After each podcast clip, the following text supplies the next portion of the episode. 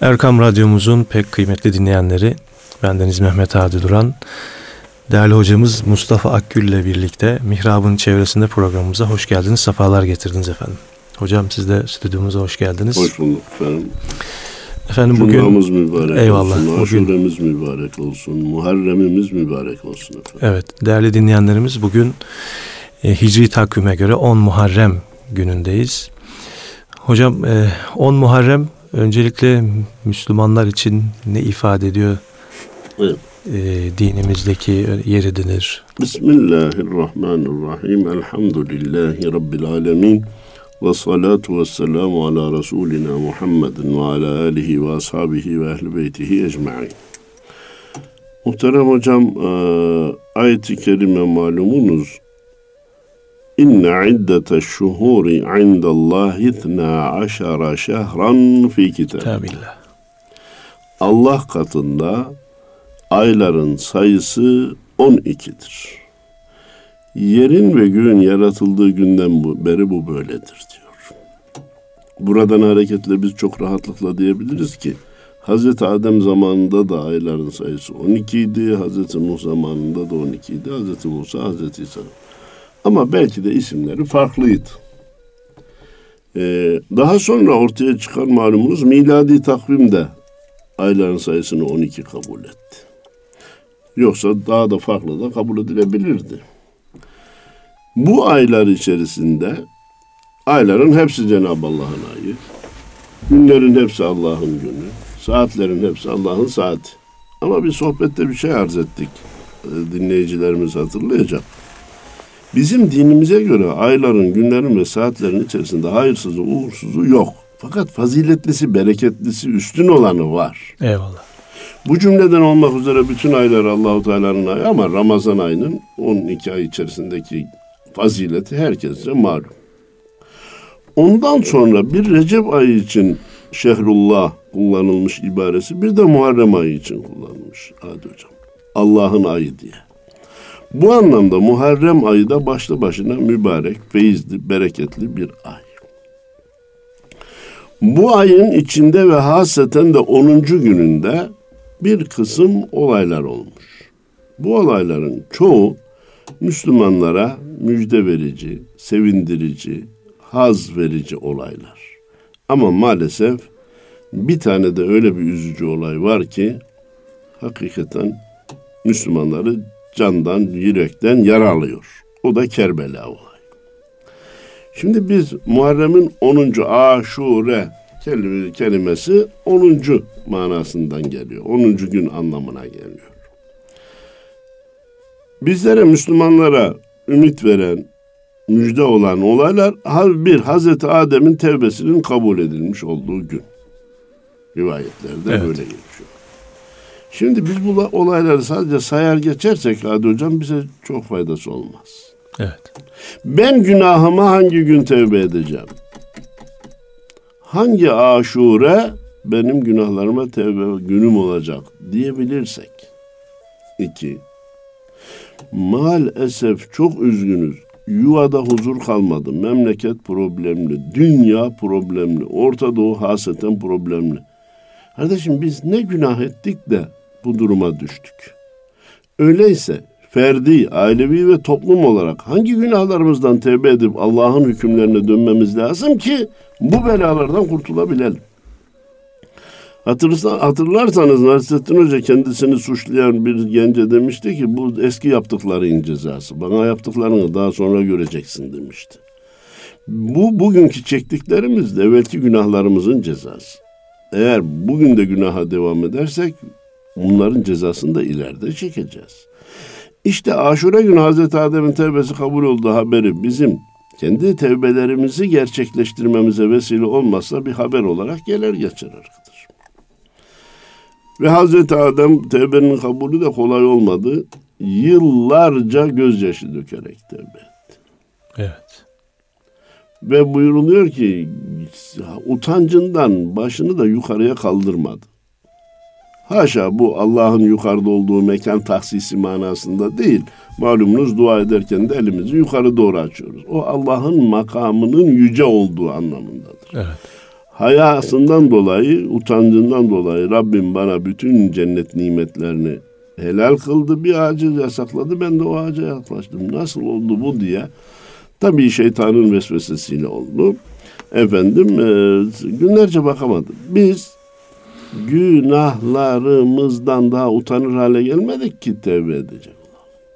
Aa bunda da ne var ki?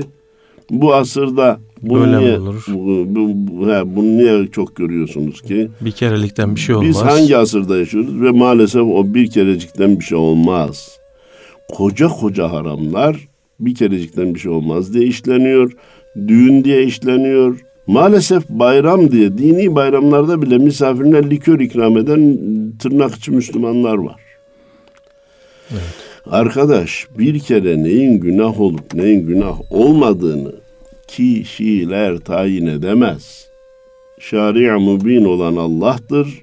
Efendimiz de onun namına hüküm koyma yetkisine sahiptir. Kitapta ve sünnette olmayan konularda hüküm icma ümmet dediğimiz İslam alimlerinin, müştehit alimlerin iştihadıyla olur. Onların da e, bir konudaki beyanı yoksa müştehit olan tek kişinin fakihin kıyasıyla bunlar olabilir. Evet. Bana göre bunun günah olmaması lazım.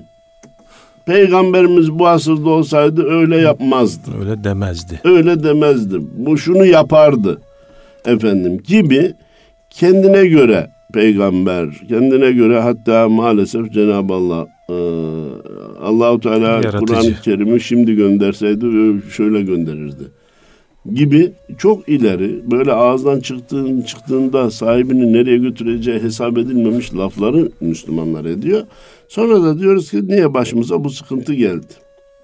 Faiz maalesef topluma sirayet etmiş, havaya sıkıldığı için Hadi Hocam, e, havaya bir şey sıkılırsa herkes ondan nefesiyle bir nebze hissesini alır. Efendim, ikinci sevindirici haber diyeyim, Hazreti Nuh'un gemisinin Cudi Dağı'na inmiş olması. Şimdi millet düştü peşine, o Cudi Dağı nerede? Hazreti Nuh'un gemisinin izini bulacak. Kendisini bulsan ne olacak? Bu gemi niye yapıldı? Binenler niçin kurtuldu? Bilmeyen velev ki kendi oğlu bile olsa niye boğuldu? Bugün İslam Nuh'un gemisi kim? Bugün Nuh'un gemisi ne? Nuh'un gemisine binmek ne demektir bugün? Bunları müzakere etmemiz lazım ki Hazreti Nuh'un gemisinin dağa indiği haberi Aşure günü, Muharrem'in 10. günü bunun olduğu haberi bize fayda temin etsin. Efendim uzun sözün kısası Hazreti Nuh'un gemisi Allah'ın dinidir. Kitap, sünnet, icma, ümmet kıyası fukahadan oluşan, öyle ılımlı İslam'la, çağdaş İslamlıkla kuşa benzetilen İslam değil, benzetilmek istenen İslam değil. Ee, fıkıh kitapları yeniden yazılsın deyip her şeyi alt üst et- etmek isteyen insanların istediği İslam değil. Hadisler bir şey olsun, e, ayıklansın. Ayıklansının ötesinde çoğunu zaten elinin tersiyle İşte itiyor. yani o amaçla. Sünnete, sünnetle Kur'an'ın alakasını kesmeye çalışıyor ve e, işi sadece Kur'an-ı Kerim'e getirince de ben bu ayeti böyle yorumluyorum diye metne dokunmaksızın manayı tahrif etme çalışmaları gemiyi deliyor arkadaş. Bu gemi delinirse hepimiz boğuluruz. İslam gemisini olduğu gibi muhafaza etmek mecburiyetindeyiz. Ee, malumunuz Kur'an-ı Kerim'de Hazreti Nuh'un gemisinden bahsedilirken dağlar gibi dalgaların içerisinden yüzmeye devam etti. Sonra yere oturdu. Bugün İslam alemi dağlar gibi dalgalarla boğuşuyor. Acaba bu gemiyi salimen bir yere oturtabilecek miyiz? Herkes kendi ülkesinde, kendi vatandaşıyla barışık olarak yaşamayı başarabilecek mi? Yoksa kafirlere alet olmaya devam edecek miyiz? Suriye'yi de Amerika ile Rusya mı yönetecek? Irak'taki yaptıklarının bir benzerini Mısır'da da yap, yapmaya muvaffak olacaklar mı ki büyük bir bölümünde muvaffak oldular? Türkiye'ye ne zararlar verebilecekler? Bunlar dağlar büyüklüğündeki dalgalardır hadi hocam. Bu şu anda gemimiz o dağlar büyüklüğündeki dalgalarla savaşarak yoluna devam ediyor. Hazreti Nuh'un oğlunun gemiye binmeyip de boğulması olayı bize malumunuz ki çok değişik bir mesaj daha veriyor. Bu malum olmasına rağmen tekrarında fayda var. Eğer gemiye binmezsen, eğer İslam'ı yaşamazsan, eğer Allah ve Resulünün hükümlerine tabi olmazsan baban peygamber de olsa kurtulamazsın. kurtulamazsın. Evet. Mesajını bize ver. Ey evlatlar! Hazreti Nuh'un sesine kulak verin. Ya buneyyerkem ma'ana. Ey oğlum gel sen de bizimle bin şu gemiye dedi. Yok o dedi ki ben dağlara sığınırım, ben kurtulurum filan. Bugün de maalesef evlatlar ananın babanın sözünü yük gibi görüyor, meşakkat gibi görüyor, lüzumsuz gibi görüyor. Annem babam çağ dışı, onların düşünemediğini ben düşünürüm. Ben, oğlum şu bilgisayarla bu kadar oynama, oğlum bu internetle bu kadar oynama, oğlum şu elindeki telefona bu kadar kafayı takma dedikçe annenin babanın yanlış düşündüğünü zannediyor. Ama bir müddet sonra işte bilim adamları ispat etti, kabul ettiler ki bu da aynen esrar gibi, eroin gibi bir bağla, Bağımlılık. bağımlılık meydana getiriyor. Diğer konularda da bir evlat ana baba çekişmesi yaşıyoruz. Son nesil anayı babayı devre dışı bırakmaya çalışıyor. Ben onlara işte bir Hazreti Nuh ve o evladı misalini işte bu aşurede iyi değerlendirmeliyiz ki işimize yarasın. Ben e, bu bu tartışmada maalesef medya da bunu körüklüyor. Diyor ki evlatlarınıza baskı yapmayın, kuşak farkı var, onlara anlayışla karşılayın, anlamaya çalışın. Geçenlerde bir yerde e, bir konferans dinliyorum. Diyor ki çocuk yalan söylese bile siz ona yalan söylüyorsun demeyin. Söylediğin gerçek dışı olabilir mi deyin filan. Peki aynı sözü evlatlara dönüp de ya ananıza babanıza siz nasıl yalan söyleme lütfen anne lütfen baba ben sana isyan ediyorum. Bu lafları nasıl söylüyorsunuz? Bu size yakışıyor mu? Bu doğru mu? diye hiç evlatlara tembih edeni duymadım. Hep anneye babaya Anne tembih, babayı terbiye. Anneye babayı terbiye, onları frenleme. E buyurun işte bak o da geminin dışında kalıyor. Ben evlatlara daha külli bir şey söylüyorum. Annenizin babanızın dediğini dinlemediniz de mutlu bir hayatı yakalayabildiniz mi? Huzurlu olabildiniz mi? Sağlıklı olabildiniz mi? Ben size alkışlayayım. Anne babaya da dediye nineye riayet etmemeyi başarı olarak kabul edin. Yok. İtimat edin sağlık açısından dedesinden, babaannesinden, annennesinden sağlıklı hiçbir torun bana gösteremezsin. Evet. Yiyecekler mahvetti. Ahlakı onlar gibi olanı da bana gösteremezsiniz. Nine burnunun ucunu göstermekten haya ediyor. Koca çok yaşlı kadınlar bile saçını açsa bir erkek gelse hemen kapatıyor aman bir erkek geldi diye. E son nesli hali malum. İmani konuda ninelerin imanı şimdi pırlanta oldu. Kazıdan çıkanlara ne diyorlardı? Değerli antika Antik. oldu. Amenna ve saddakna der ve teslim olurdu. Son zamanda rasyonalistlik namına, pozitivistlik namına akılcı davranacağız diye amenna ve saddaknayı unutturuyorlar millete. Efendimiz Miraç'ta göklere çıktı. Amenna ve saddakna kurtarır bunu kardeşim. Nasıl çıktığını akılla izah etmeye kalkarsan mucize inkar etmen gerekir. Hazreti İbrahim kuşları parçaladı, çağırdı, tekrar kuşlar dirilerek geldi. Akılla izah etmeye kalkarsan reddetmen gerekir. Amenna ve saddakna kurtarır. Ama son devirde işte amenna ve saddakna unutturulmak isteniyor. Eğer dönersek Hazreti Nuh ve evladından, Hazreti Nuh'un gemisinden biz bu dersleri alabilirsek aşuremiz aşure olacak. Kim hurafe olarak kabul ederse etsin içinde büyük mesaj olduğu için ben inanarak naklediyorum. Ha inanmayan da dinden çıkar inanmayan günahkar olur da demiyorum. Hazreti Nuh gemiyi yaparken bir ihtiyar hanım ona uğrayıp diyordu ki ya Nuh Tufan olacağı zaman bana haber ver de ben burada kalmayayım. Ben de gemiye bineyim. Arada geliyordu. Hazreti Nuh da tamam haber veririm haber veririm. Tufan oldu. Hazreti Nuh o ihtiyara haber vermeyi unutmuştu. Tufan oldu, gemi dağlarla, dalgalarla savaştı, sonra tekrar karaya indi, sular çekildi.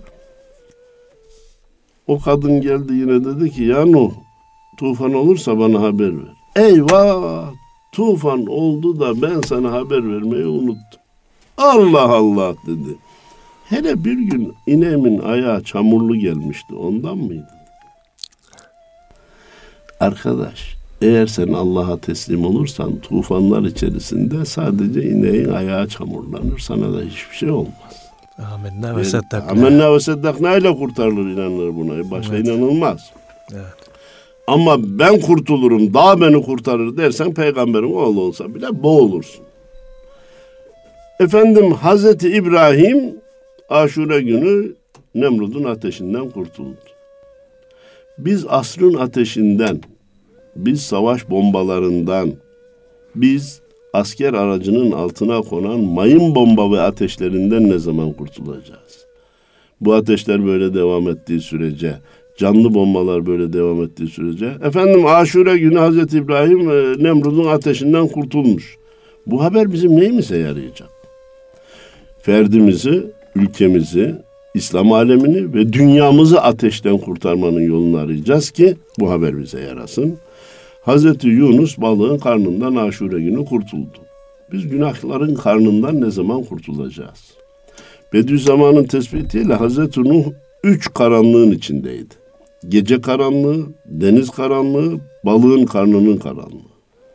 Biz dahi bugün asrın vebalarıyla savaşırken üç değil dört, beş, altı karanlığın içine girmişiz.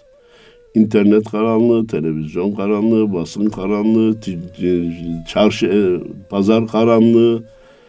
Bunların içinden nasıl kurtulacağız? İnsanların birbirine güveni kalmamış. Alan satıcıdan emin değil. Memnun değil. Emin de değil. E, satan alıcıdan emin değil. Efendim işte eskiden sözlerle e, borçlar ödenirmiş. Şimdi çeklerle de ödenmiyor. O takvimde ben hoş bir hatıra olarak kalmış ama bundan sonra takvim basan dostlara da tavsiye edeceğim.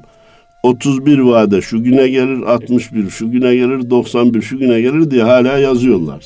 Ne 31'i kaldı, ne 61'i kaldı, ne 91'i kaldı. Adam bir senelik verdiği halde yine zamanında ödemiyor. Ödeme kavramı değişti. Evet. Efendim yani tekrar dönersek Hazreti Yunus'un balığın karnından kurtulması güzel bir müjde ama biz günahların karnından kurtulmadıkça aşuremiz aşure olmaz. Ve biliyorsunuz Efendimiz Peygamberimiz Aleyhisselatü Vesselam e, Medine'ye hicret ettiğinde Yahudileri oruç tutarken gördü. Dedi ki niye oruç tutuyorsunuz? Hazreti Musa'nın Firavun'un şerrinden kurtulduğu gündür de onun için tutuyoruz. Dedi ki ben Hazreti Musa'ya sizden daha yakınım. Hazreti Musa bana sizden daha yakın. Ona defalarca kardeşim diye bahsetti Efendimiz Hazreti Musa'dan.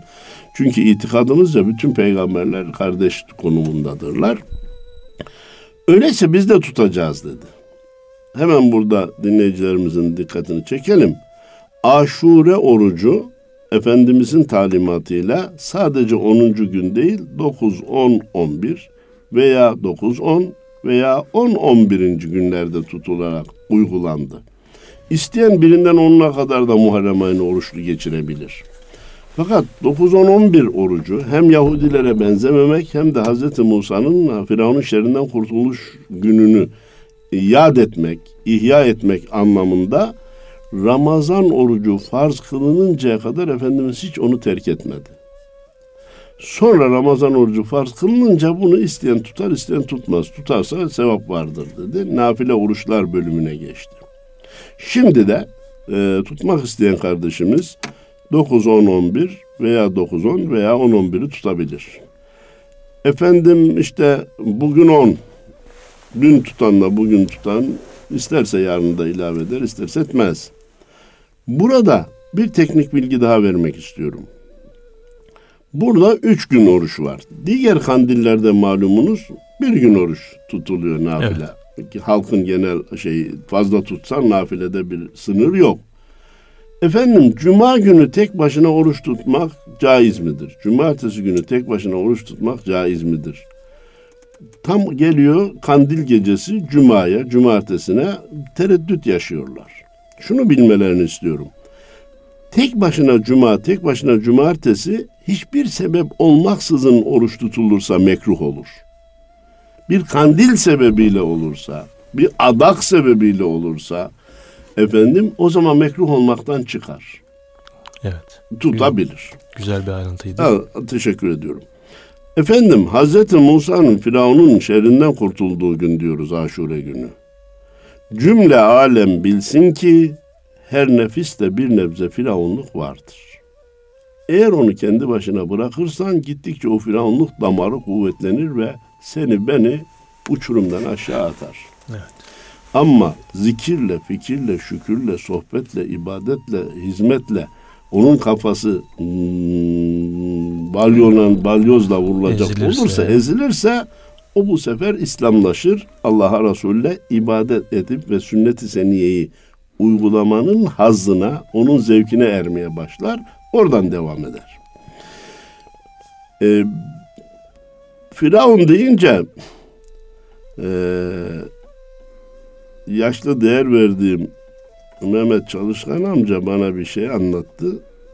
Yine anekdottur isteyen inanır, isteyen inanmaz ama içinde mesaj var.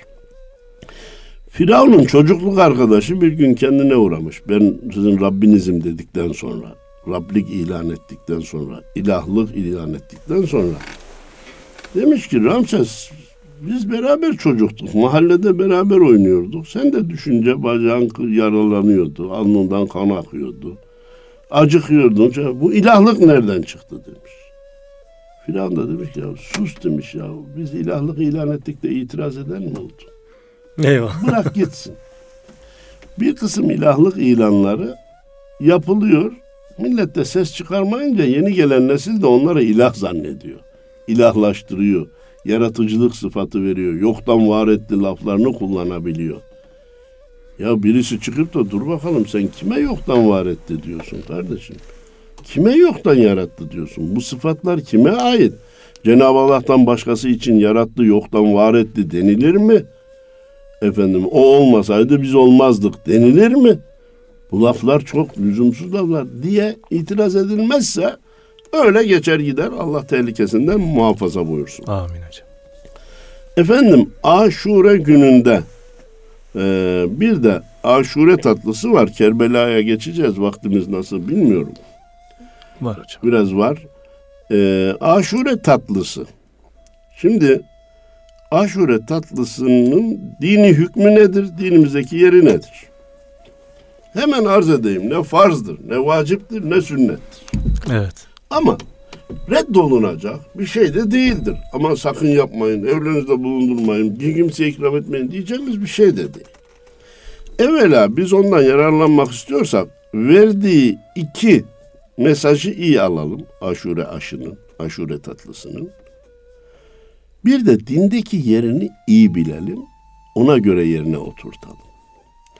Hikmetlerine birisi diyor ki bak üç nohut, iki fasulye, bir incir, iki ceviz, üç badem bir araya gelince bir aş oldu. Evinizdeki azalan gıdaları çöpe atmayın.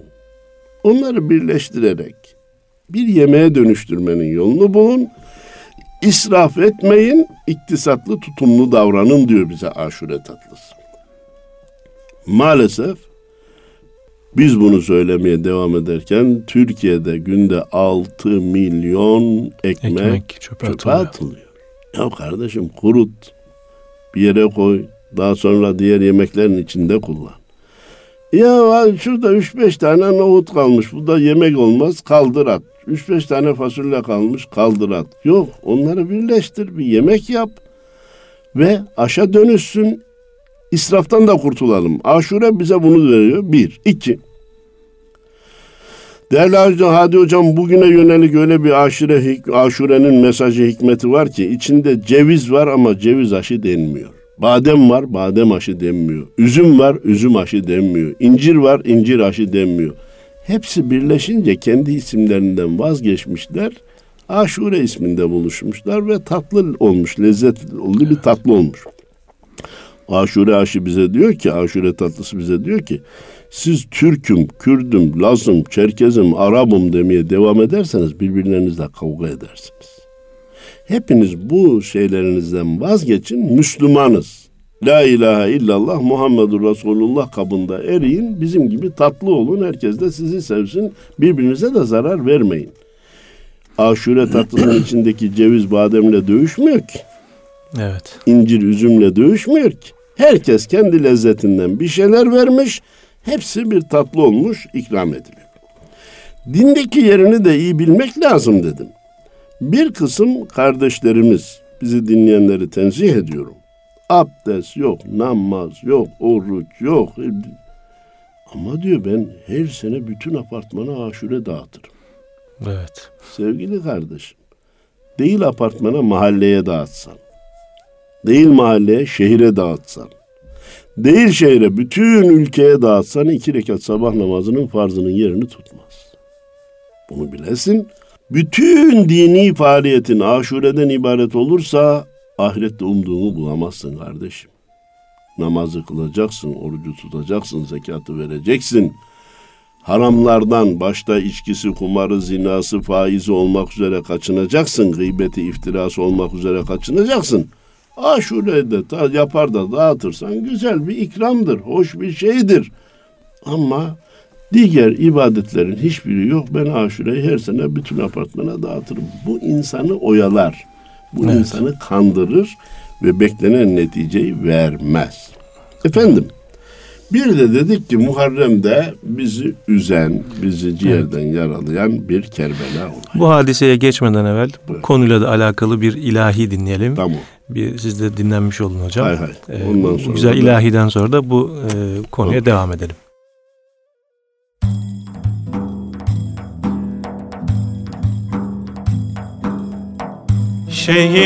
Şehitlerin serçeşmesi Enbiyanın bağrı başı Evliyanın gözü yaşı Hasan ile Hüseyin'dir Subhanallah, Sultanallah. Her dertlere derman Allah. Salatullah, selamullah. Aleyke ya Resulallah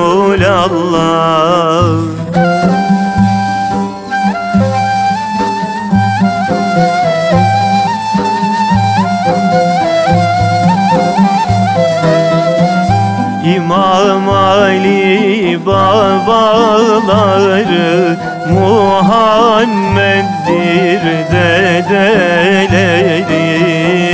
Arşın çifte küpeleri Hasan ile Hüseyin'dir. Subhanallah, Sultanallah Her dertlere derman Allah. Salatullah, selamullah Aleyke ya Resulallah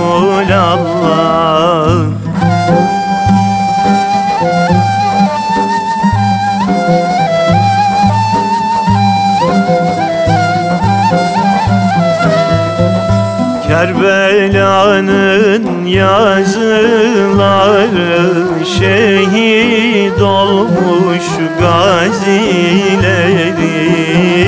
Fatma ana kuzuları Hasan ile Hüseyin'dir. Salatullah, selamullah Aleyke ya Resulallah. Hannan Allah, mennan Allah. Her dertlere derman Allah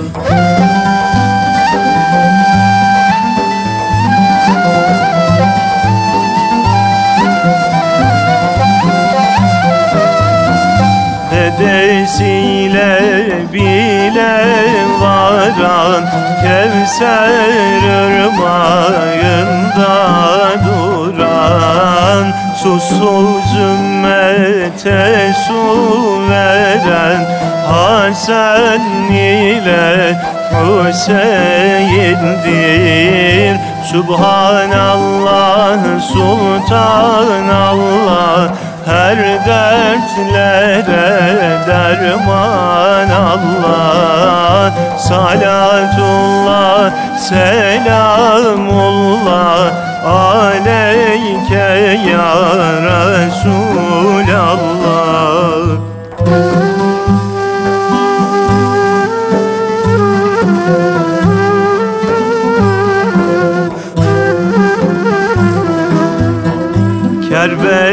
Kerbela'nın ta içinde Nur parlar siyah saçımda. Yatar alkanlar içinde Hasan ile Hüseyin'dir. Subhanallah, Sultanallah her dertlere derman Allah Salatullah, selamullah. Aleyke ya Resulallah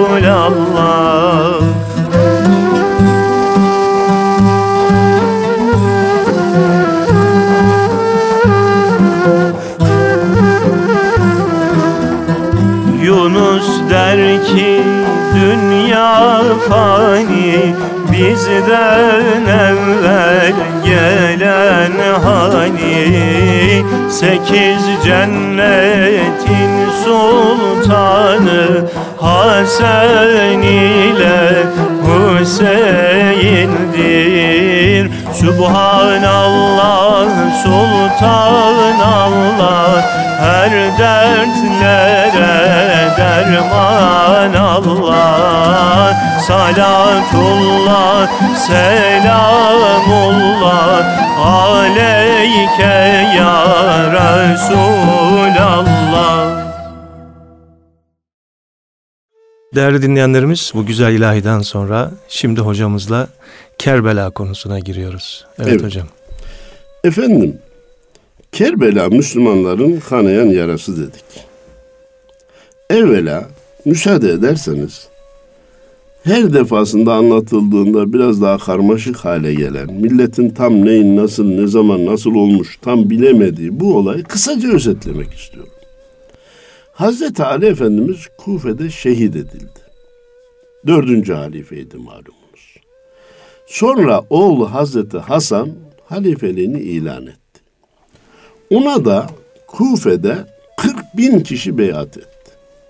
Evet sen bizim halifemizsin diye kabul ettiler. Tam o arada Suriye'de bulunan Muaviye, Hazreti Muaviye malumunuz Efendimizin vahiy katibi, Hayır halife ben olacağım dedi. Sen olacak mısın ben olacağım. Hazreti Hasan Efendimiz ya bu durum böyle giderse Müslümanların kanı dökülecek. Ben bu halifelikten çekileyim dedi ama bir kısım şartlarla çekildi. Bu şartlardan birisi eğer Muaviye Hazreti Hasan Efendimiz'den önce vefat ederse yerine mutlaka Hazreti Hasan Efendimiz halife olacak veya onun görüşü alınmadan halife tayin edilmeyecek maddesi konuldu. Bunu Hazreti Muaviye de kabul etmişti. Ama bir müddet sonra Hazreti Muaviye'nin çevresindekiler dedi ki efendim siz önce vefat ederseniz tekrar Hazreti Hasan şey olacak. Onu ortadan kaldırmak lazım. Hani insanları, başkanları vezir eden de yardımcılarıdır, rezil eden de yardımcılarıdır. Ne yapalım ne yapalım Hazreti Hasan'ın hanımı Cude'ye ulaştılar ve onun zehirlemesiyle Hazreti Hasan'ı şehit ettiler. Hazreti Hasan devreden çıkmış oldu. Muaviye de vefat edince oğlu Yezid halifeliğini ilan etti Şam'da. Efendim Şam'da ilan edilince herkes bana beyat etsin dedi. Hazreti Ömer'in oğlu Abdullah, Hazreti Ebu Bekir'in oğlu Abdurrahman, İbni Abbas başta olmak üzere hayır biz Yezid'e beyat etmeyiz. Hazreti Hüseyin'in halife olması lazım dediler. Hazreti Hüseyin Mekke'den Medine, düzeltiyorum Medine'den Mekke'ye gitti. Kufeliler onu davet etti. Kufe'ye gel biz sana beyat edelim. İslam aleminin Müslümanların halifesi sen ol. Efendim başta kardeşi Muhammed Hanefi olmak üzere. Abdullah İbni Ömer, İbni Abbas, biraz evvel bahsettiğim kişi aman gitme.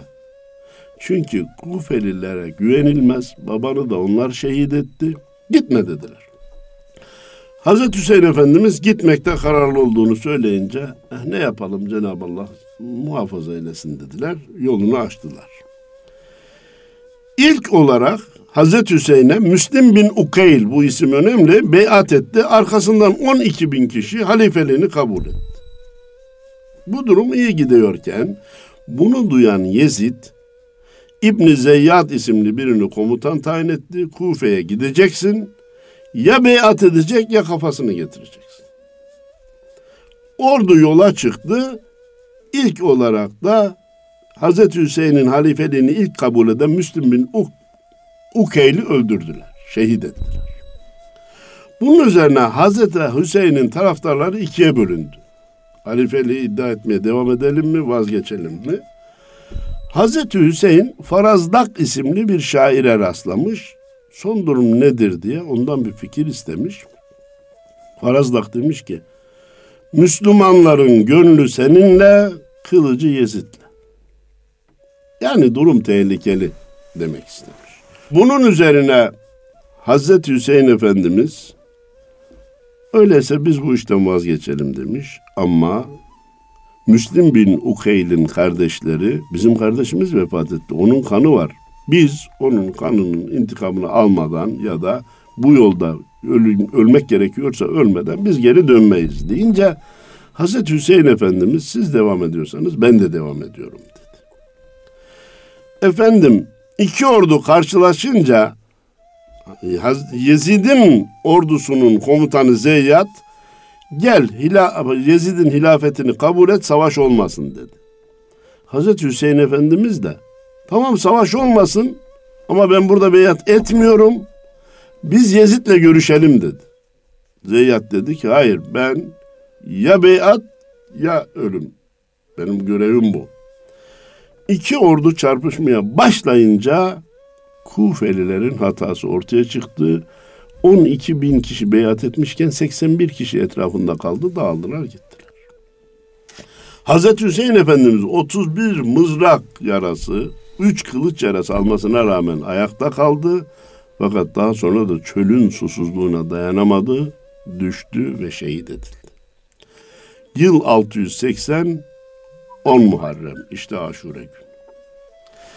Efendim sadece oğlu Zeynel Abidine çocuk ve hasta diye dokunmadılar. Ailenin bütün fertlerini kılıçtan geçirdiler. Sonra Yezid öldü. Muaviye'nin oğlu Yezid öldü. Yerine ikinci Muaviye geçti.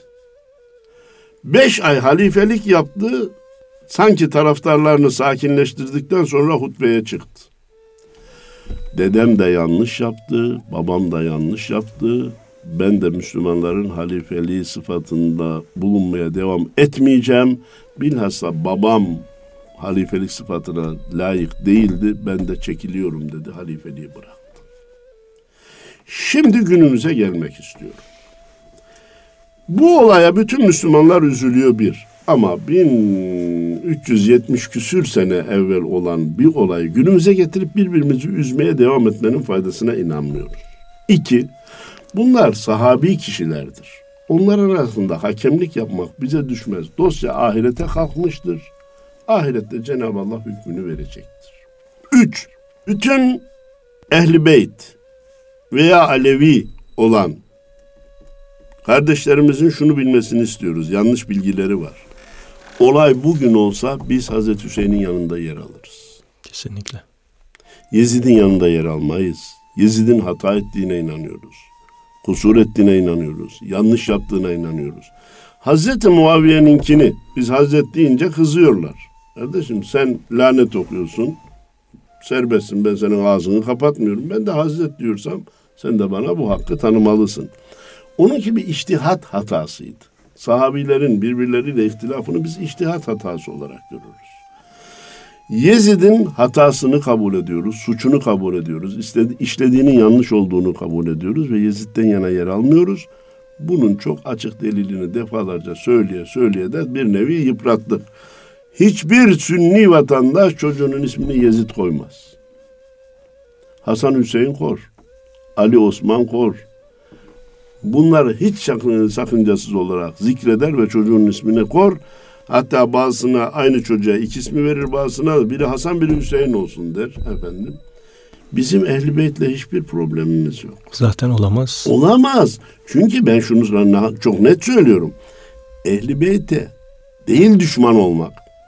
Onu sevmeyen Müslüman olamaz. Ehli beyti sevmeyen Müslüman olamaz. Çünkü Efendimiz Peygamberimiz Aleyhisselatü Vesselam Kur'an-ı Kerim ayetiyle ben bu tebliğime karşılık sadece sizden yakınlarıma meveddet, sevgi istiyorum diyor. Sen sevgi istiyorsun ben de senin yakınlarını sevmiyorum diyen insan dinden çıkar. Evet. Onun için kimse bizi ehli beyti sevmiyor, ehli beyt düşmanı zannetmesin. Onlar bizim başımızın tacıdır. Hazreti Hüseyin Efendimizin şehadeti bizi de üzmektedir. Olay bugün olsa biz Hazreti Hüseyin'in yanında yer alırız. Bütün bunlardan sonra diyoruz ki aşuremiz mübarek olsun. Hayırlara vesile olsun, ihtilaflara vesile olmasın yeniden olayları günümüze taşıyıp da birbirimizi üzmeyelim. Bu olaylardan ibret alanlardan eylesin. İbret alalım. Zaman zaman dile getiriyorum. Daha önce e, Caferi kardeşlerimiz e, vücutlarına zincirlerle yaralar açıyordu. O günün hatırasını yaşamak için. Şimdi yine de yapanlar var ama miktarı azaldı. Diyorlar ki bunu yapmak yerine kan verelim. Kızılay'a evet. kan verelim. Hem vücuttan bir kan çıkmış olmanın ya, hatırasını yaşamış oluruz. Verdiğimiz kan da bir işe yarar. Evet. Ben bu davranışı takdirle karşılıyorum. Teşekkür ederim. Hocam ağzınıza sağlık.